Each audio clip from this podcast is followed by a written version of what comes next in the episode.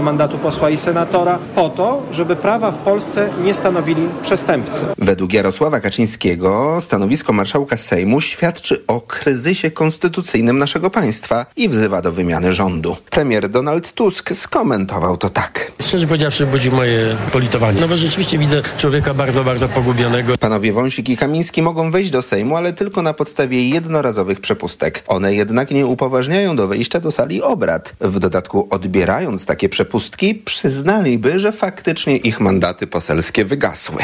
O czym informował Maciej Kluczka. Potrzebne są nowe wybory, tak mówi w Sejmie prezes PiSu. Według Jarosława Kaczyńskiego do czasu ich rozstrzygnięcia trzeba powołać rząd przejściowy. To z kolei powiedział e, prezes byłej rządzącej partii w Sejmie. Proszę Państwa, mamy sytuację nadzwyczajną. Konstytucja przestała praktycznie obowiązywać i w związku z tym można zastosować różne metody. Można zastosować różne metody, tak mówił Jarosław Kaczyński. Jakie i w oparciu o jakie przepisy tego już nie wyjaśnił. Wczoraj do podpisu prezydenta trafiła ustawa budżetowa na ten rok. Brak podpisu prezydenta pod tą ustawą mógłby być powodem rozwiązania parlamentu. Prezydent może ogłosić wcześniejsze wybory, jeśli rząd upadnie i nie można wyłonić nowego ale tego najpewniej oglądać nie będziemy. Powiemy o tym Państwu e, za kilka chwil w magazynie TOK 360. W Sejmie z kolei jest już projekt Koalicji Obywatelskiej w sprawie liberalizacji prawa aborcyjnego. Propozycja dopuszcza przerwanie ciąży do 12, od 12, do 12 tygodnia, oczywiście bez podawania powodów. Podobny projekt jeszcze w zeszłym roku do Sejmu złożyła Lewica. Wiceprzewodnicząca Nowej Lewicy Anna Górska liczy, że za proponowanym złagodzeniem przepisów ostatecznie zagłosują wszyscy posłowie Koalicji Obywatelskiej. Mam nadzieję, że mają to dobrze przegadane i kiedy dojdzie do głosowania jeden z tych projektów, albo być może na etapie prac w komisjach one zostaną połączone, to jest jeszcze przed nami, ale mam nadzieję, że wszyscy, cały klub e, Koalicji Obywatelskiej ten, te propozycje poprze. Nawet jeśli KO w całości poprze liberalizację, problem może dotyczyć pozostałych sejmowych koalicjantów.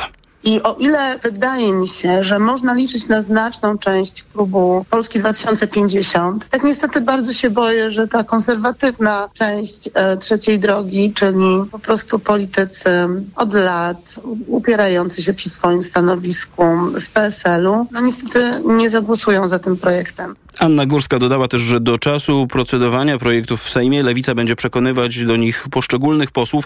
Więcej na ten temat po godzinie 18.30. TOK 360. Mariusz Gosek i Jacek Ozdoba to kandydaci PiS do Komisji do Spraw Pegasusa, tak informuje Waldemar Buda. Wcześniej marszałek Sejmu przekazał, że PiS zgłosiło też Marcina Przydacza i Sebastiana Łukaszewicza. Nad wyborem członków do Komisji Sejm zagłosuje jutro. Szef MON rozmawiał z ministrem obrony Niemiec. Współpraca w ramach NATO ze szczególnym uwzględnieniem skutecznej pomocy dla Ukrainy to główne tematy rozmów ministrów obrony narodowej Polski i Niemiec. Nasza współpraca pozwoli skutecznie reagować na agresję Rosji na Ukrainę, przekazał po tych rozmowach minister Władysław Kosiniak-Kamysz. A na wniosek Rosji dziś ma odbyć się Rada Bezpieczeństwa ONZ. Ma to dotyczyć rozbitego pod Białgorodem samolotu IU-76. Maszyna spadła na teren sąsiadującej z Ukrainą części Rosji. Kijów podaje, że na pokładzie były pociski rakietowe S-300. Moskwa, że 65 ukraińskich jeńców wojennych, a samolot zestrzelili Ukraińcy. Dzień wcześniej Ukraina i Rosja miały przeprowadzić wymianę jeńców. Kijów z kolei zapewnia, że nie dostał informacji, tak jak to zwykle bywa o ich możliwym transporcie transporcie. Prezydent Wołodymir Załański wieczorem wezwał do przeprowadzenia międzynarodowego śledztwa w sprawie katastrofy. Arabia Saudyjska przygotowuje się do otwarcia pierwszego sklepu z alkoholem. Informująca o tym agencja Reutera zastrzega, że będzie to lokal tylko dla dyplomatów i niemuzułmanów. Sklep ma zostać otwarty w dzielnicy stołecznego Riyadu, gdzie znajdują się ambasady i gdzie mieszkają dyplomaci. Klienci będą musieli zarejestrować się za pomocą aplikacji mobilnej, by dostać specjalny kod od saudyjskiego MSZ-u. Obowiązywać mają też miesięczne limity, ale to i tak przełom, bo Arabia to ultrakonserwatywne królestwo a islam zakazuje spożywania napojów procentowych. Alkohol można tam dostać tylko pocztą dyplomatyczną albo na czarnym rynku. Organizacja Narodów Zjednoczonych potwierdza, że rebelianci Houthi nakazali, by cały amerykański i brytyjski personel ONZ i wszystkich organizacji pomocowych wyjechał z Jemenu. Ma na to miesiąc. Houthi, którzy kontrolują dużą część Jemenu, są wspierani przez Iran i popierają Hamas. Od kilku tygodni atakują na Morzu Czerwonym statki handlowe, twierdząc, że w ten sposób wspierają Palestyńczyków walczących w strefie gazy. W samym Jemenie tli się wojna domowa, która doprowadziła do największego obecnie kryzysu humanitarnego na świecie, któremu próbują zaradzić organizacje pomocowe. TOK 360. A tysiące izraelskich kobiet wyszły na ulicę, domagając się, by rząd doprowadził do uwolnienia zakładników uprowadzonych przez palestyńskich terrorystów do strefy gazy. Uczestniczki manifestacji blokowały w kilku miejscach drogi i ulice. Negocjacje między Hamasem i Tel Awiwem w sprawie uwolnienia przetrzymywanych y, odbywają się za pośrednictwem Stanów Zjednoczonych, Kataru i Egiptu. Ostatnio te negocjacje miały utknąć w martwym punkcie. Izrael miał zaproponować dwumiesięczne zawieszenie broni, w ramach którego uwolnieni zostaliby izraelscy zakładnicy, podobnie jak więźniowie, więźniowie palestyńscy, a czołowi przywódcy Hamasu w Gazie dostaliby zgodę na emigrację do innych krajów. Hamas odrzucił te propozycje, odmawia zwalniania, zwolnienia porwanych Izraelczyków do czasu zakończenia ofensywy Izraela i wycofania się jego wojsk. 7 października zeszłego roku tysiące palestyńskich terrorystów przedarły się przez granicę. Atakujący zamordowali około 1200 osób, uprowadzili do Gazy co najmniej 240. Uważa się, że po uwolnieniu w listopadzie 105 cywilów Hamas nadal przytrzymuje około 130 zakładników. A Kolumbia ogłosiła stan wyjątkowy w związku z coraz trudniejszymi do opanowania pożarami w różnych regionach tego kraju. Setki strażaków wspieranych przez helikoptery starają się ugasić trwający pożar lasu na wschodnich obrzeżach stolicy miasta Bogoty. Alert związany z pożarami spowodowanymi upałem i suszą obowiązuje na dwóch trzecich tego terytorium tego kraju. A teraz przenosimy się z powrotem do Polski. Punkty ładowania samochodów elektrycznych na latarniach uruchomiła Gdynia. Wprowadzone pilotażowo rozwiązanie jest prostsze i tańsze niż w przypadku spotykanych dziś ładowarek. Nie wymaga to też specjalnego oznakowania i zabierania miejsca parkingowego innym samochodom. Paweł Radzewicz. Projekt, który może okazać się małą rewolucją w elektromobilności, jest w zamyśle bardzo prosty. Po co stawiać specjalne instalacje i wkopywać kable, skoro prąd już jest w każdej z tysięcy miejskich latarni? Pyta z błyskiem wokół Kamil Sobkiewicz, prezes Fundacji Na Prąd. Mamy pewną taką ideę dotyczącą ładowania pojazdów elektrycznych, w których zależy nam na tym, żeby pojazdy były ładowane w tak zwanych elektrycznych ulicach. Czyli całe ulice służą do tego, żeby można było ładować pojazdy elektryczne tak blisko miejsca zamieszkania, jak to jest możliwe. Wykorzystujemy już istniejącą infrastrukturę oświetleniową do tego, żeby ładować e, samochody elektryczne blisko miejsca zamieszkania, e, w miejsc zasady, gdzie parkujesz, tam ładujesz. Tu widzimy obok, można powiedzieć wprost, samochód podłączony do latarni. Tak, dokładnie tak to wygląda, gdyż w ramach tego projektu możemy wykorzystywać już te przyłącza, które są położone. Nie musimy kopać od nowa nowych kabli, nie musimy kłaść tych kabli. Wykorzystujemy po to, żeby samochody elektryczne, e, parkujące, jak to zresztą Państwo widzą, mogły na noc zostawione, być naładowane do pełna rano. Co bardzo ważne, punkty ładowania elektryków nie będą w Gdyni przeszkadzać użytkownikom samochodów spalinowych. To będzie kompromis, podkreśla wiceprezydentka Gdyni Katarzyna Spychała. Wiemy, że coraz więcej kierowców poszukuje publicznych miejsc ładowania, bo coraz więcej kierowców użytkuje e, pojazdy elektryczne bądź hybrydowe z możliwością ładowania. Z drugiej strony inni kierowcy, którzy ciągle wybierają pojazdy spalinowe, nie są zbyt zadowoleni, kiedy ubywa im powszechnie dostępnych miejsc parkingowych, a te, e, które do tej pory przeznaczane były pod typowe ładowarki publiczne, wiązały się z koniecznością wymalowania zielonej koperty, jednoznaczną z zakazem e, parkowania tam pojazdami spalinowymi. Tu znajdujemy rozwiązanie kompromisowe. Jeżeli Państwo podejdą, żeby zaobserwować e, ładowarkę, to zobaczycie też tabliczkę, którą będziemy umieszczać w takich miejscach. Tam bardzo grzecznie piszemy do kierowców, proszę nie parkuj tutaj, jeżeli miejsca obok są wolne. Ale jeżeli żadne miejsce obok nie jest wolne, to nie ma zakazu i możesz tu stanąć. Mam nadzieję, że to będzie bardzo praktyczne rozwiązanie, które ucieszy wiele osób. W pilotażu Gdynia uruchomiła cztery wyjątkowe punkty ładowania. Kolejne pojawią się po kilku miesiącach obserwowania, jak system działa. Jego twórcy przewidują, że w ciągu kilku lat gniazdko na elektryka będzie można znaleźć na przynajmniej 300 gdyńskich latarniach. Z Trójmiasta Paweł Radzewicz, TOK FM. Podsumowanie dnia w Radiu TOK FM. Teraz y, Kraków, Narodowe Centrum Promieniowania Synchrotronowego Solaris stanie się sceną teatralną. Już 1 lutego w niezwykłych przestrzeniach Krakowskiego Ośrodka Badawczego będzie można obejrzeć operę przygotowaną przez Narodowy Stary Teatr na podstawie powieści Stanisława Lema Solaris. Na powierzchni przeszło 4000 m2 mamy akcelerator kołowy, akcelerator kołowy cząstek. U nas rozpędzamy elektrony do prędkości bliskiej prędkości światła. Agnieszka Cudek, Narodowe Centrum Promieniowania Synchrotronowego Solaris Uniwersytetu Jagiellońskiego. 1 lutego będziemy gościć 350 osób, które przyjdą obejrzeć, przyjdą usłyszeć operę inspirowaną jednym właściwie z największych dzieł Stanisława Lema pod tytułem e, Solaris, ale także będą mieli okazję troszkę chłonąć tę atmosferę infrastruktury synchrotronowej, świata nauki po trosze. Jakub Szlachetko, jestem dyrektorem Narodowego Centrum Solaris. Takie połączenie trochę świata kultury, sztuki właśnie ze światem wielkiej nauki. Tak, niezmiernie nas to cieszy, że właśnie świat nauki może tutaj synchronizować się razem ze światem kultury i że takie przedstawienie się u nas odbędzie. Trzeba było Stanisława Lema, żeby do tego doszło.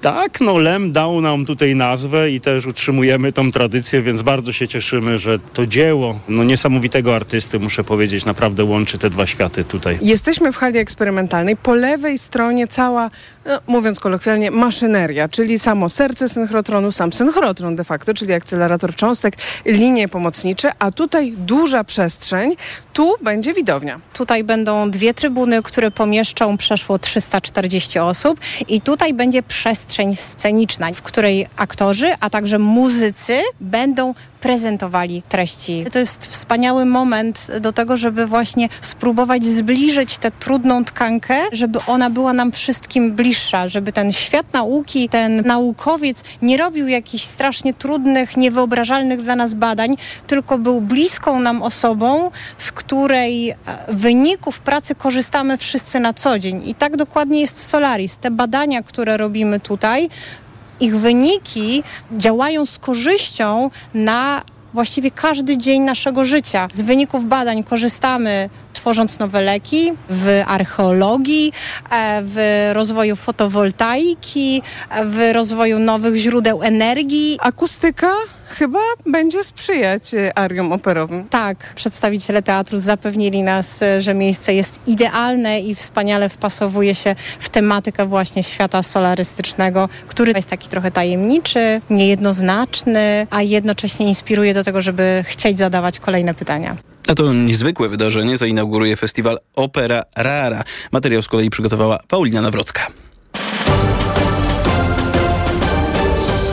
TOK 360. Dzieci ze szkoły w Święcicy na Lubelszczyźnie uczą się zdalnie, bo w szkole wykryto zbyt duże stężenie radonu. To jeden z produktów rozpadu radu, który może być dla człowieka niebezpieczny. Decyzję o zamknięciu szkoły podjęła dyrektorka wspólnie z panią wójt. Tyle, że w zaleceniach z sanepidu wcale takiego wskazania nie było. W Święcicy była dziś Anna Gmiterek-Zabłocka, z którą się łączymy właśnie teraz.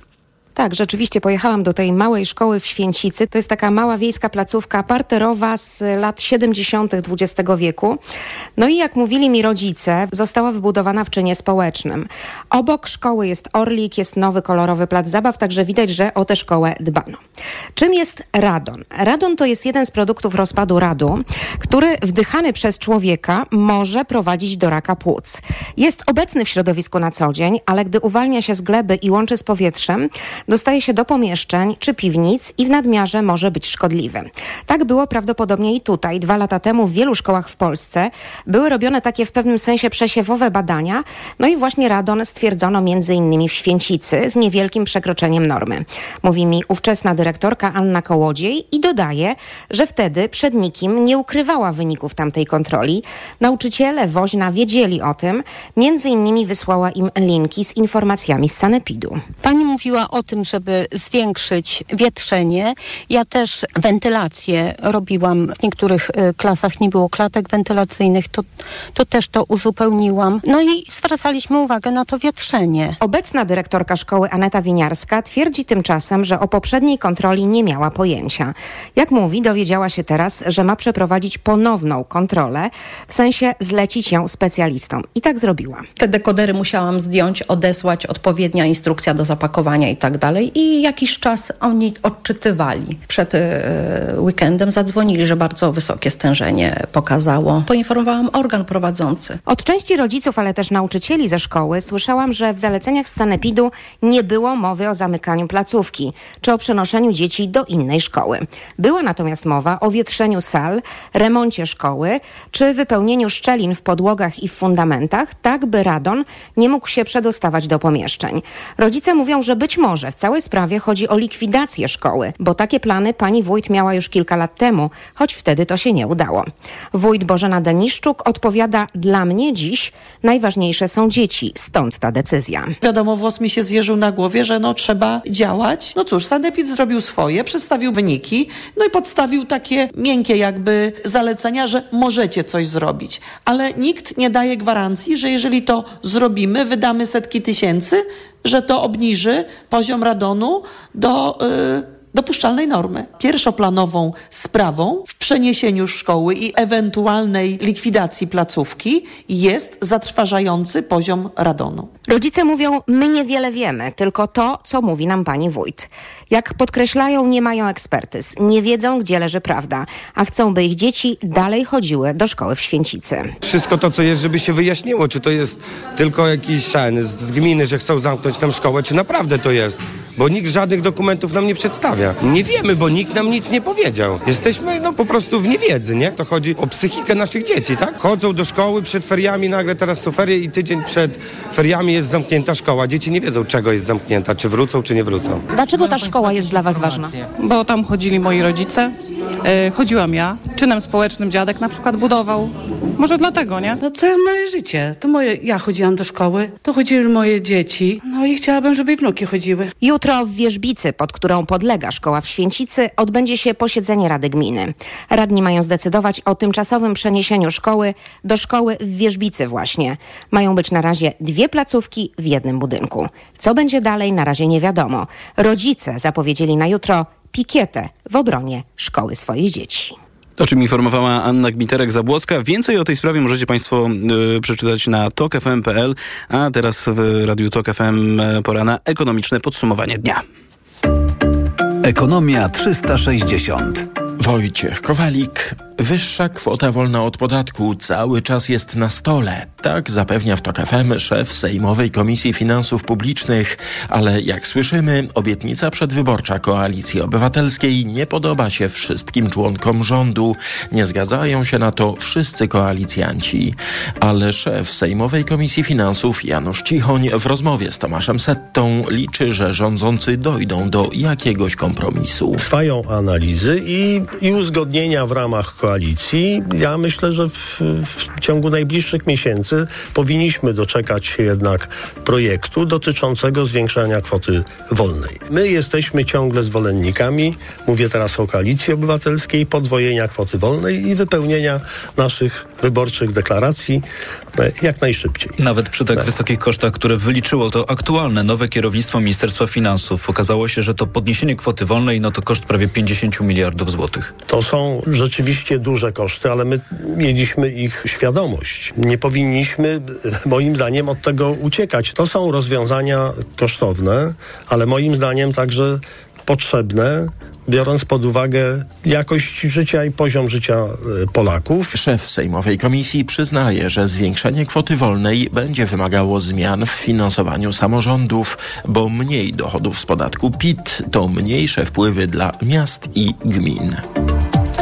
Stopy procentowe w strefie euro zostają bez zmian. Tak zdecydował dziś Europejski Bank Centralny i na razie jeszcze tak zostanie, zapowiada szefowa banku Christine Lagarde. Jesteśmy zdeterminowani, żeby inflacja wróciła do naszego celu 2%.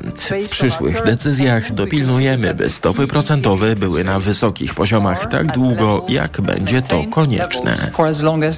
Eksperci z spodziewali się takiego ruchu, ale zdaniem części z nich trzymanie stóp na rekordowo wysokim poziomie to błąd, mówi Ignacy Morawski, główny ekonomista Pulsu Biznesu. Strefa euro jest w recesji, inflacja ewidentnie spada, odpuszcza. Ta uporczywość inflacji jest niższa niż oczekiwano. No, a przede wszystkim e, ten kontekst makroekonomiczny w Europie wygląda źle. Widać ożywienie gospodarcze w Stanach Zjednoczonych, widać ożywienie gospodarcze w Azji. Europa jest w tyle, e, nie może ruszyć z miejsca. Ja rozumiem, że kryzys energetyczny, tak, ale kryzys energetyczny już mija, e, albo w większości ustąpił. Tak, więc e, trzymanie stóp procentowych wysoko przez EBC w tym momencie moim zdaniem nie ma sensu. A stopy procentowe w strefie euro bez zmian to bez większych zmian również raty około 70 tysięcy polskich kredytobiorców zadłużonych we wspólnej walucie. Na decyzję Europejskiego Banku Centralnego czekał też rynek walutowy. Złoty przyjął ją spokojnie, choć za naszą walutą niespokojne dni. Ale to, co może dziać się ze stopami procentowymi w Polsce i w dużych gospodarkach na złotego może wpływać pozytywnie, mówił w raporcie gospodarczym TOK FM Bartosz Sawicki, analityk cinkciarz.pl. W tej chwili no, mamy takie swoiste przeciąganie liny między inwestorami a bankami centralnymi i taka sytuacja powinna dominować w pierwszej części roku, czyli pierwszy kwartał wydaje się, że istnieje duże ryzyko, że złoty pozostanie względnie stabilny, ale nie będzie osiągał nowych e, maksimów. Natomiast same obniżki stóp procentowych, e, w, czy to w Eurolandzie, czy to przede wszystkim w Stanach Zjednoczonych, powinny być już korzystne dla rynków wschodzących, w tym również dla e, złotego, tym bardziej, że w przypadku polskiej waluty Rada Polityki Pieniężnej, no, moim zdaniem przestrzeń do obniżek jest minimalna, bądź nie ma jej w ogóle w 2024 roku i to będzie stawać się atutem złotego. Czy można powiedzieć, że polityka pieniężna, która raczej była dla złotego balastem, no w końcu ma szansę w tym roku złotemu e, pomóc. Natomiast też nie spodziewamy się fajerwerków, jeżeli chodzi o złotego. Prognozy walutowe zakładają, że w tym roku euro PLN spadnie w okolice 4,25. Dziś euro kosztuje 4 zł 37 groszy, frank po 4,65, dolar 4,03, funt po 5,12. Tu Radio Tok FM, pierwsze radio informacyjne. Poczta Polska nie przeżyje tego roku bez gruntownych zmian. Ostrzega w Tok FM Karol Tokarczyk, analityk polityki Insight. Według doniesień medialnych w ubiegłym roku państwowy gigant zanotował 800 milionów złotych strat. W kilkudziesięciu rozmów, które odbyłem z różnymi interesariuszami, no to każdy, i to mówię każdy, nie prawie każdy, powiedział, że poczta nie przeżyje tego roku bez zmiany. To znaczy bez y, jakiejś decyzji dotyczącej jej przyszłości, jej funkcjonowania, bez jakiegoś takiego namysłu, czym poczta ma być, jak ma działać, jak ma być duża, jakie zadania ma spełniać.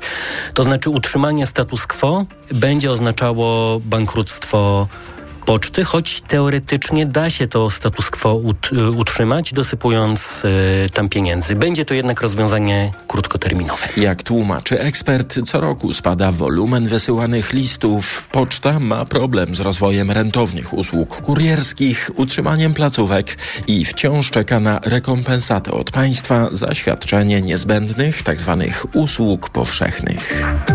Trwa rządowy przegląd reform i inwestycji, które mają być realizowane w ramach Krajowego Planu Odbudowy.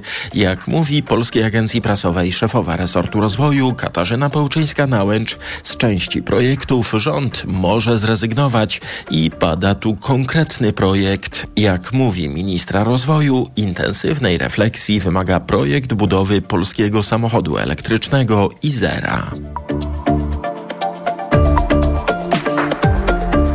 Ekonomia 360. Pogoda. Wieczorem sporo chmur, niemal w całym kraju popada deszcz. Na północnym wschodzie deszcz ze śniegiem, w górach śnieg.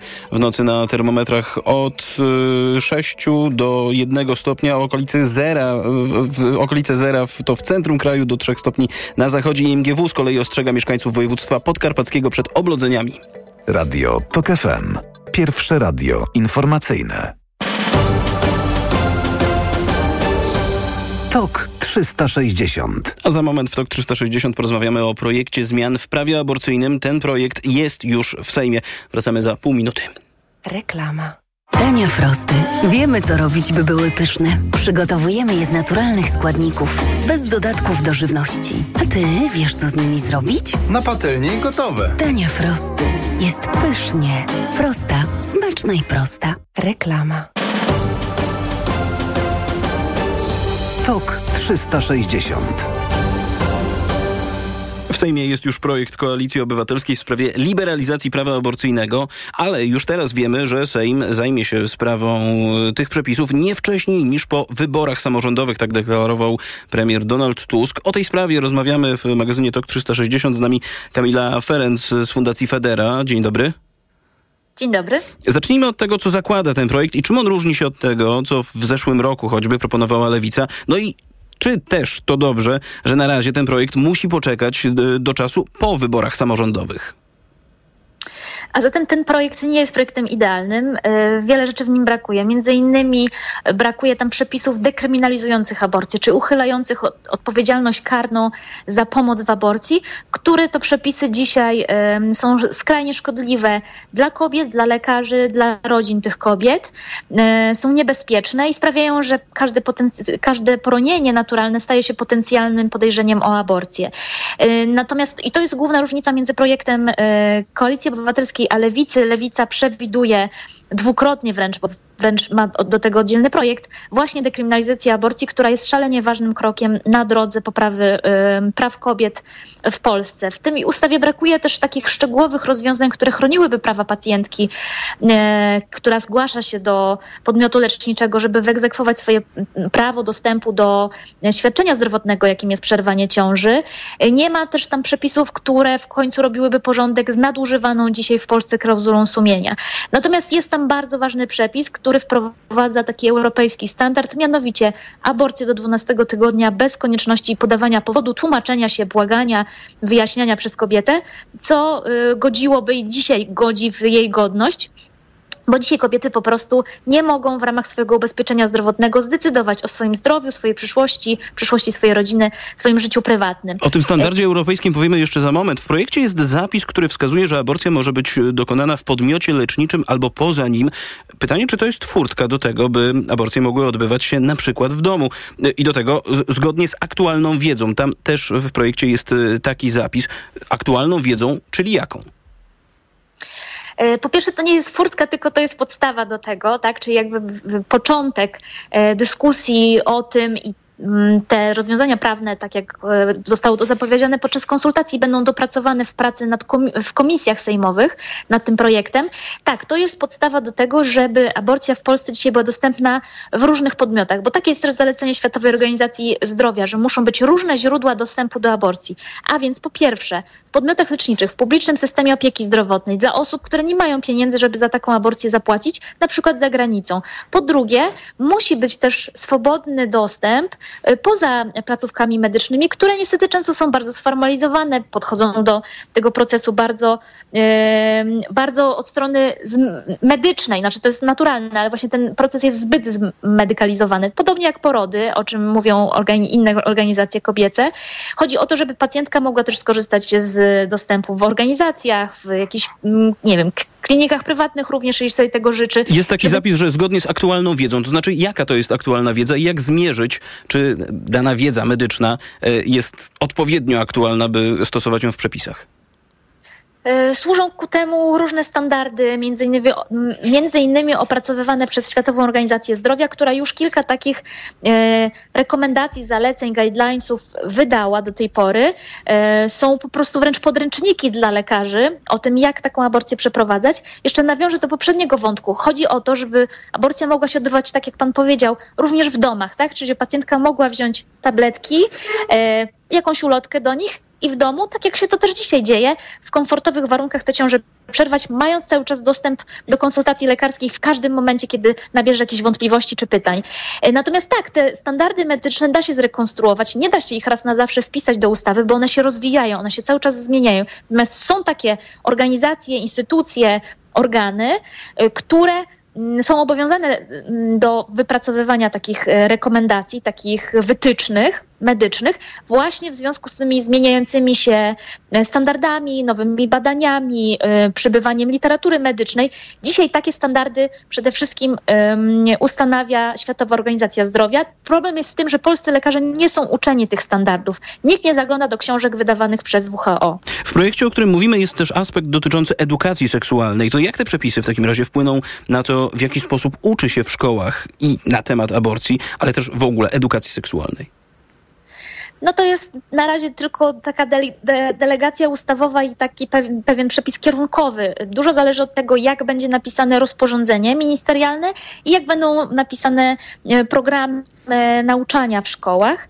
Natomiast e, ten przepis z, z, projektu ustawy no, wskazuje, że to ma być przede wszystkim wiedza daleka od ideologii, e, religii, która znowu ma się odwoływać do, mm, do wiedzy, do aktualnych standardów, ale informacyjnych, tak? która ma mówić o tym, jak funkcjonuje organizm człowieka, seksualność człowieka, rozrodczość człowieka, e, a nie jak ma, jakie wybory e, w swoim życiu prywatnym mają poszczególne osoby e, wykonywać. Przede wszystkim młodzież musi się nauczyć o ochronie zdrowia, o tym, jakie konsekwencje nosi, niesie na przykład współżycie seksualne, ale też jak zabezpieczyć się przed infekcjami przenoszonymi drogą płciową, jak zapobiec niechcianej ciąży i co to znaczy odpowiedzialność w podejmowaniu E, decyzji w zakresie zdrowia reprodukcyjnego i, i zdro- życia seksualnego.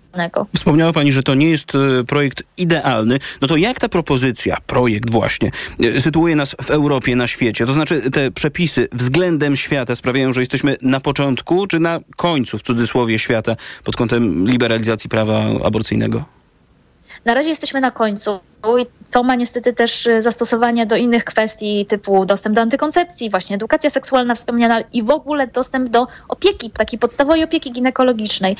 Natomiast te, y, ten projekt no, nas trochę przesuwa w stronę lepszych standardów, rozwiązuje pewne problemy, no ale też y, trzeba zwrócić uwagę na to, że różnica między Polską a zagranicą to nie tylko kwestia przepisów, które teraz próbujemy naprawiać, ale też kwestia mentalności, stosowania prawa i podejścia lekarzy i całego systemu opieki zdrowotnej do pacjentek. E, w Polsce ciągle pacjentka jest na szarym końcu, jej zdanie, jej wola się nie liczy, jej potrzeby się nie liczą, co pokazały niestety śmierci kobiet, z którymi no, tragicznymi historiami miałyśmy do czynienia w ciągu ostatnich kilku lat, że właśnie lekarze wolą ratować ciążę, której się nie da od strony medycznej uratować, nawet kosztem życia kobiety.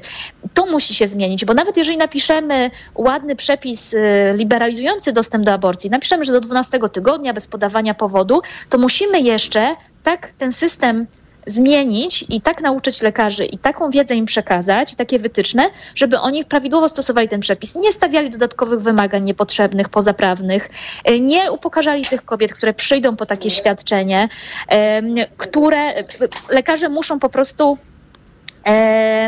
wiedzieć, jakie podejście do pacjentki stosować i tę pacjentkę traktować priorytetowo i przede wszystkim na niej opierać jakiekolwiek decyzje, nie narzucać jej decyzji w kwestii e, życia prywatnego. Kamila Ferenc, adwokatka z Fundacji Federa, gościła w TOK 360. Bardzo dziękuję. Za moment e, zaprosimy Państwa na rozmowę o budżecie już uchwalonym przez Sejm, budżecie państwa. Teraz ruch po stronie prezydenta, który ustawy budżetowej jeszcze nie podpisał, choć zapowiadał, że zrobi to niezwłocznie. Kto wie, może właśnie teraz e, powstaje ten podpis, a może poczekamy na niego jeszcze kilka dni. O tym za kilka chwil w TOK 360. Serdecznie Państwa zapraszam.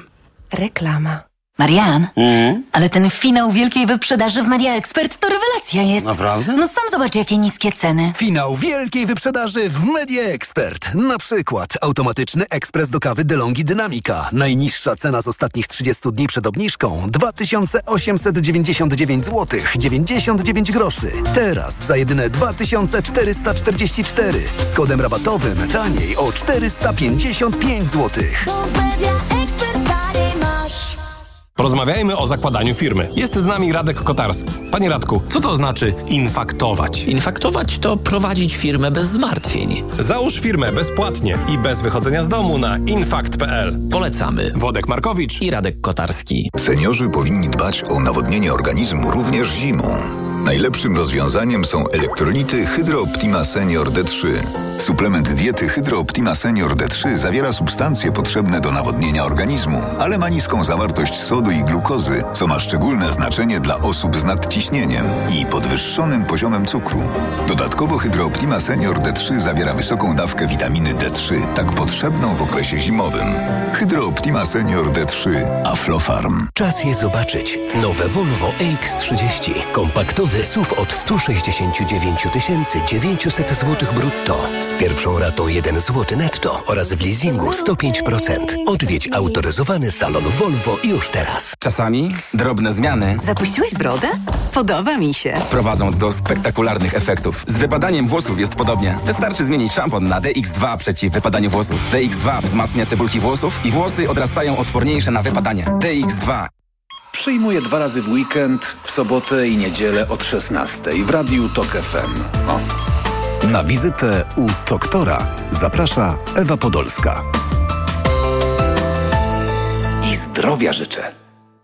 Sponsorem programu jest Herbapol Poznań, producent leku Urosept, stosowanego pomocniczo w zakażeniach układu moczowego. Dlaczego wybieramy Vitotal dla kobiet? Zawiera aż 23 witaminy i minerały w wysokich dawkach. Vitotal dla kobiet kompleksowo wzmacnia organizm. Jod i selen wspomagają prawidłowe funkcjonowanie tarczycy. Nie muszę martwić się celulitem i moją sylwetką. Wyciąg z winogron pomaga utrzymać wagę. Vitotal dla kobiet zawiera też wyciąg ze skrzypu polnego, który sprawia, że moje włosy są piękne, a paznokcie zdrowe. Suplement diety Vitotal dla kobiet. Więcej niż witaminy. Aflofarm. Lidl Polska i Wielka Orkiestra Świątecznej Pomocy grają razem już 15 lat. Przyłącz się. Przyjdź do Lidla od czwartku 14 grudnia do niedzieli 28 stycznia i weź udział w 32. finale WOŚP. Wesprzyj zbiórkę pieniędzy na lepszą diagnostykę i terapię płuc po pandemii u dzieci i dorosłych. Kolejny raz będziemy grać razem.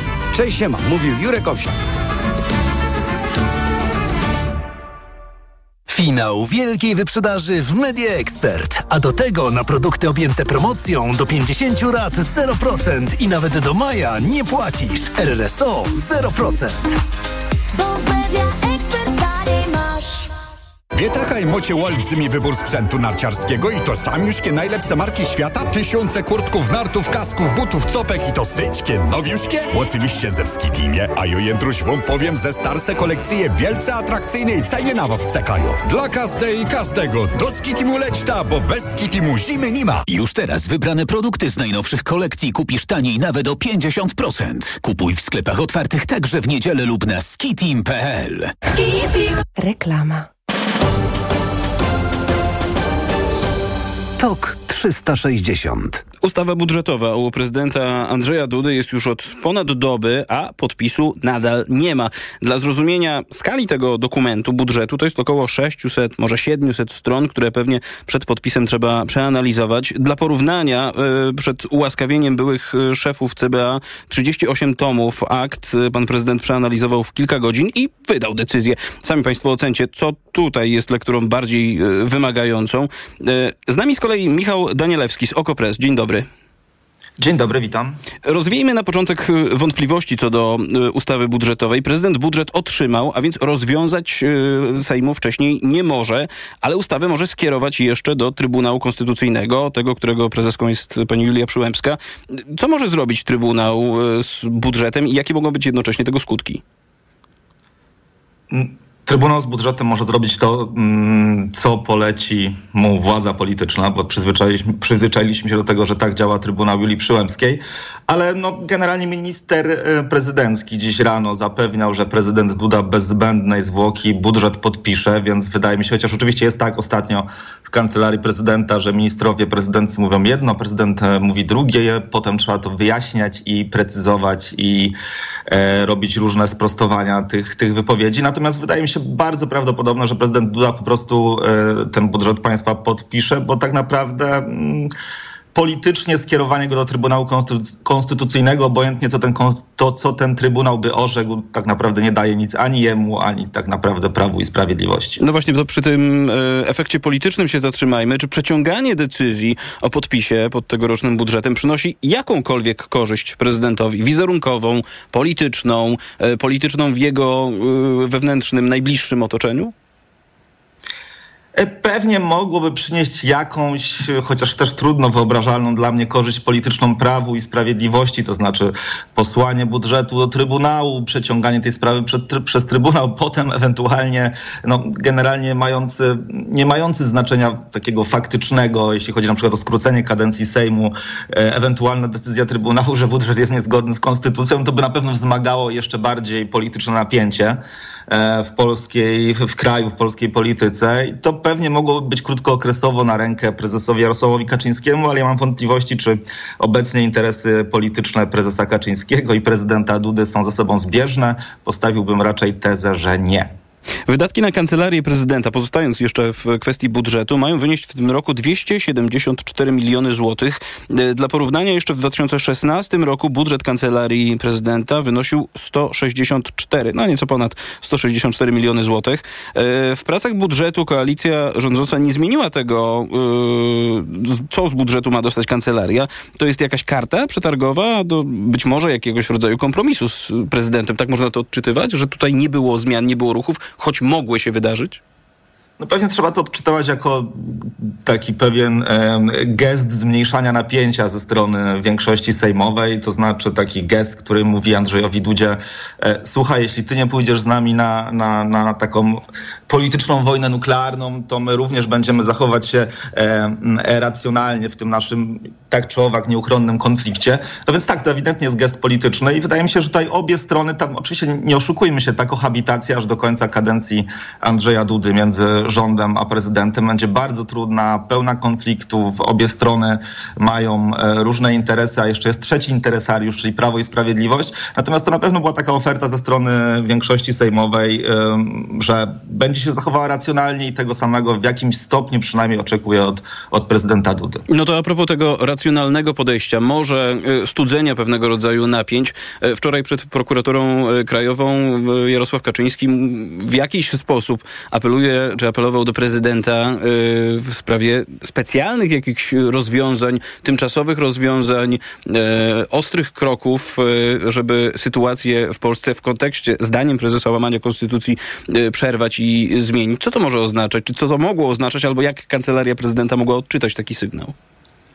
E, krótka odpowiedź musiałaby brzmieć, że tak naprawdę nie oznacza to nic dłuższa i rozwinięta wypowiedź e, musiałaby brzmieć w ten sposób, no, że prezes Jarosław Kaczyński próbuje wywrzeć na prezydenta presję, by ten grał ostrzej w swoich stosunkach z, e, z większością sejmową. To raz. Dwa, tak naprawdę Jarosław Kaczyński proponuje prezydentowi no, jakiś zupełnie szalony plan, to znaczy no, coś w rodzaju zamachu stanu, to znaczy jakąś bardzo twórczą, e, bardzo twórczą interpretację konstytucji, mówiąc bardzo eufemistycznie, e, jakiś rodzaj wykorzystania instytucji Rady Gabinetowej, żeby, nie wiem, wydać polecenia rządowi, na przykład, nie wiem, w sprawie prokuratury. Trudno powiedzieć, co prezes Kaczyński ma na myśli, ale na pewno ma na myśli no, daleko idące przekroczenie uprawnień przez prezydenta w celu e, jakby mm, zakończenia rządów e, mm, koalicji KO, Lewicy i Trzeciej Drogi, powołania rządu tymczasowego i przeprowadzenia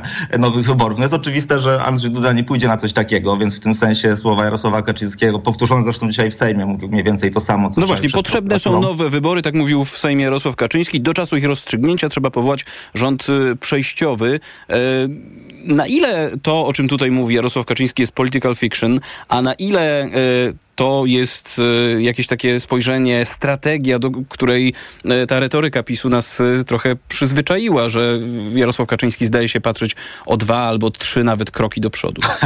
Nie, no myślę, że to jest zupełne political fiction, to się nie zdarzy. To znaczy nie będzie rządu tymczasowego ani żadnego przejściowego na 100%, a przyspieszonych wyborów nie będzie na 99%. Natomiast no, są dwie wersje, to znaczy to, że Jarosław Kaczyński w ogóle strategzy PiSu, o ile jeszcze oni jakby są aktywni w tej partii, w to czasami trudno uwierzyć, no, zupełnie odkleili się od rzeczywistości i snują plany i rozwiązania, które nie mają e, szansy się ziścić. Albo druga wersja, ta jest mi jednak bliższa, że to jest pewna gra polityczna, to znaczy przebijanie przez Jarosława Kaczyńskiego i PiS na stronę prezydenta Dudy, żeby po prawie niemal pewnych przegranych wyborach samorządowych po przegranych euro, i po przegranych wyborach europejskich przez Prawo i Sprawiedliwość powiedzieć, słuchajcie do swoich wyborców i do swoich działaczy, słuchajcie, to nie jest nasza wina, to wszystko jest wina zaniechania Dudy. Gdyby Duda nie zaniechał jakichś tam wyimaginowanych przez prezesa działań, to wtedy byłoby dużo lepiej i nasza sytuacja polityczna byłaby dużo lepsza. Więc tak naprawdę Jarosław Kaczyński w ten sposób, przerzucając piłeczkę na pole Andrzeja Dudy, próbuje yy, no, ściągnąć z siebie odpowiedzialność za niechybnie przegrane trzy wybory z rzędu, czyli wybory parlamentarne, przyszłe kwietniowe samorządowe i później europejskie. Michał Danielewski z OKO.press był gościem magazynu TOK 360. Bardzo dziękuję za tę rozmowę. Za moment wracamy do Państwa z nieco ważniejszymi być może sprawami z perspektywy społecznej. Na temat sprawy bardzo praktycznej będziemy mówić, dotyczącej bezpieczeństwa, a która wprost dotyczy toczącej się za wschodnią granicą wojny w Ukrainie. Chodzi o schrony, a dokładnie o to, że od lat ich w Polsce nie tylko nie budujemy, ale też nie poddajemy ich renowacji. Realnie miejsc w skronach jest tak naprawdę dla kilku może procent polskiej populacji. O tym za moment w TOK 360.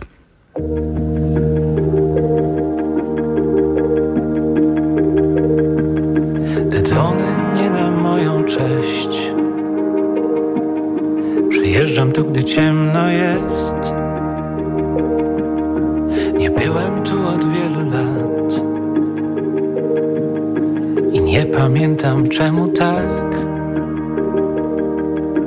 Chciałem zniknąć stąd. Nagraj co chcesz po sygnale. Dzisiaj jestem tam. Dawno niewidzianym miejscu, pełnym pustych bram. Jak tych kamienic ścian, popękany jestem sam. Chciałem zniknąć stąd, a tęsknię za tym miejscem. Teraz wydaje mi się mniejsze. Pachnie tu inaczej, myślę mijając rzędy świateł.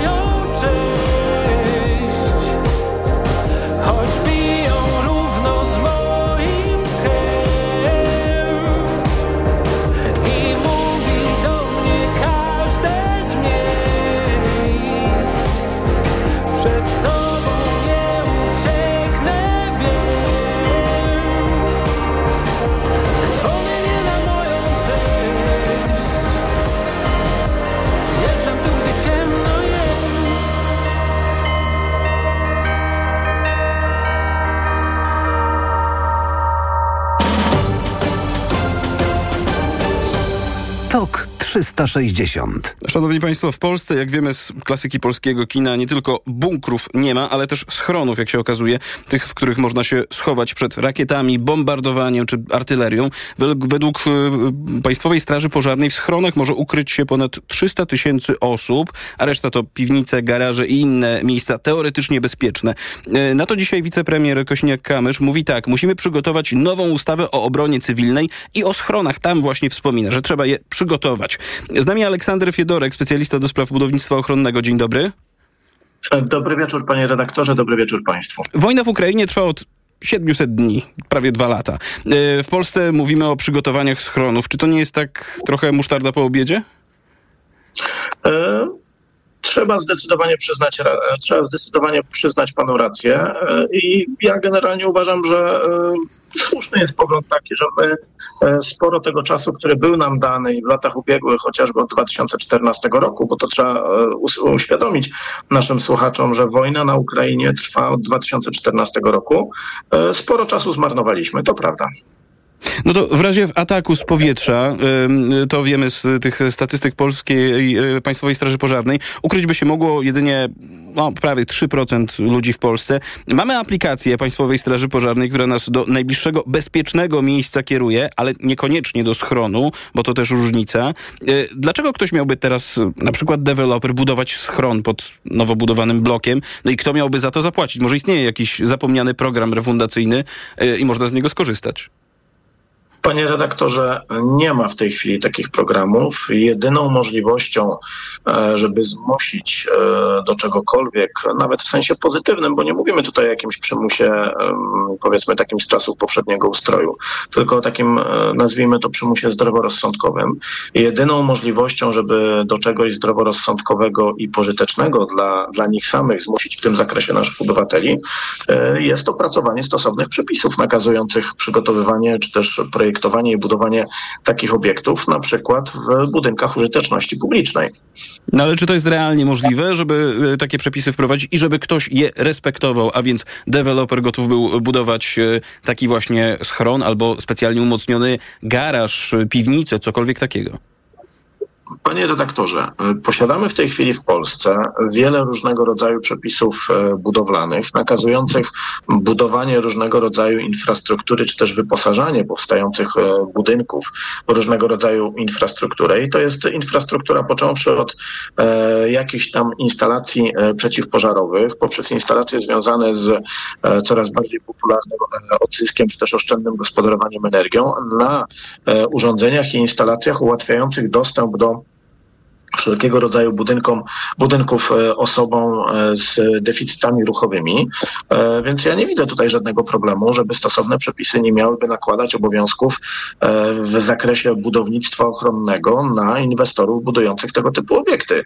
Jakoś powiedzmy sobie szczerze, w sytuacji, kiedy trzeba wyposażać budynki w drzwi przeciwpożarowe, w instalacje przeciwpożarowe, czy też tryskaczowe, czy też wykrywające pożary, jakoś generalnie nikt na, na tym rynku, czy deweloperskim, czy też jakimkolwiek innym innym budowlanym nie ma ludzi, że tego typu e, rzeczy trzeba, e, że w tego typu rzeczy trzeba wyposażać budynki i to się po prostu odbywa. Jest przepis, nie ma odbioru, jeśli nie masz w określonym rodzaju budynków, nie masz instalacji e, wykrywającej pożar, czy też wręcz instalacji przeciwpożarowej, nie dostaniesz odbioru, nie będziesz mógł takiego obiektu użytkować i tu wydaje się być rozwiązanie bardzo proste. Spójrzmy w takim razie na to, co mamy w tej infrastrukturze szeroko mówiącej o bezpiecznych schronieniach, schronach. E, czy te miejsca wymieniane właśnie jako miejsca bezpieczne, czyli piwnice, garaże, e, w warszawskim przypadku być może także stacje metra, czy to są realnie bezpieczne miejsca, które pozwalają na schowanie się, na przetrwanie być może przez kilka dni e, jakichkolwiek zagrożeń wojskowych, artylerii, bombardowania? Ujmę to tak. One oczywiście są bezpieczniejsze niż, e, czy też przebywanie w tego typu obiektach jest bezpieczniejsze niż przebywanie na otwartej przestrzeni. E, natomiast nie są to budowle ochronne, nie są one z reguły przystosowane do pełnienia takich funkcji, czyli nie posiadają odpowiednio wzmocnionej konstrukcji, nie posiadają e, wyjść zapasowych wyprowadzających poza strefę ewentualnego zagruzowania, nie posiadają odpowiednio zaprojektowanych czerpni powietrza i generalnie jest to, z jednej strony jest to oczywiście jakiś poziom poziom e, bezpieczeństwa oczywiście wyższy niż w stanie w wypadku bombardowania e, bombami burząco-odłamkowymi na otwartej przestrzeni. Natomiast absolutnie nie jest to poziom bezpieczeństwa e, zapewniany przez typowe budowle ochronne i tutaj trzeba jasno powiedzieć, że wprowadzenie mm, w 2022 roku w trakcie tej ewidencji dokonywanej mm, przez Państwową Straż Pożarną tej kategorii MDS, czyli miejsca doraźnego schronienia, okazało się być bardzo niebezpieczne. Dlaczego? Dlatego, że obywatele nasi przyjęli mm, zapewnik, że jeśli coś sprawdziła Państwowa Straż Pożarna, jest to na, na, w tej aplikacji określone jako MDS, miejsce doraźnego schronienia, to jest to miejsce bezpieczne, które zapewnia E, schronienie przed jakimiś właśnie efektami działań wojennych.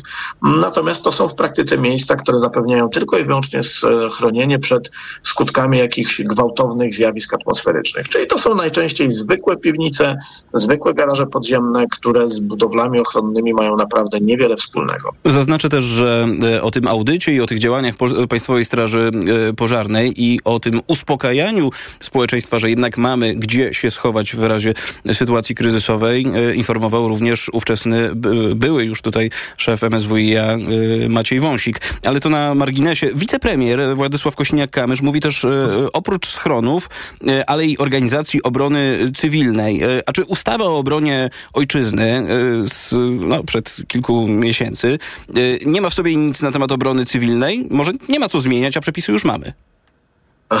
Panie redaktorze, w kwietniu, kiedy przyjmowano te, e, te przepisy, e, no zapomniano po prostu o przepisach przejściowych, uchylono wszystkie przepisy dotyczące e, obrony cywilnej, E, I na dzień dzisiejszy my nie mamy tak naprawdę żadnych przepisów o obronie cywilnej, które byłyby, miałyby tą materię regulować. Miało być to wprowadzone, natomiast e, ja przypominam sobie taką wypowiedź poprzedniego e, jednego z ministrów od spraw wewnętrznych i administracji, wiceministra konkretnie, nie będę tu wymieniał nazwiska, który tuż przed kampanią wyborczą zapytany, przed finałem kampanii wyborczej, czyli wyborami, zapytany o to, stwierdził, że no, były ważniejsze sprawy, tak. No, jakie mogą być ważniejsze sprawy w sytuacji takiej niż ochrona ochrona obywateli w sytuacji takiej, kiedy za e, naszą wschodnią granicą trwa pełnoskalowy konflikt zbrojny i e, kiedy nasz potencjalny agresor co chwilę grozi nam jako państwu użyciem broni, użyciem broni masowego rażenia, nie umiem sobie wyobrazić po prostu. Aleksander Fiedorek, specjalista do spraw budownictwa ochronnego, gościł w TOK 360. Bardzo dziękuję. Za moment e, informacje i sport, a potem wracamy do Państwa z historią z Poznania w roli głównej młodzież. W galeriach handlowych padną tutaj e, w tym kontekście słowa gang, przemoc, galeria handlowa. O tym będziemy mówić. Serdecznie Państwa zapraszam.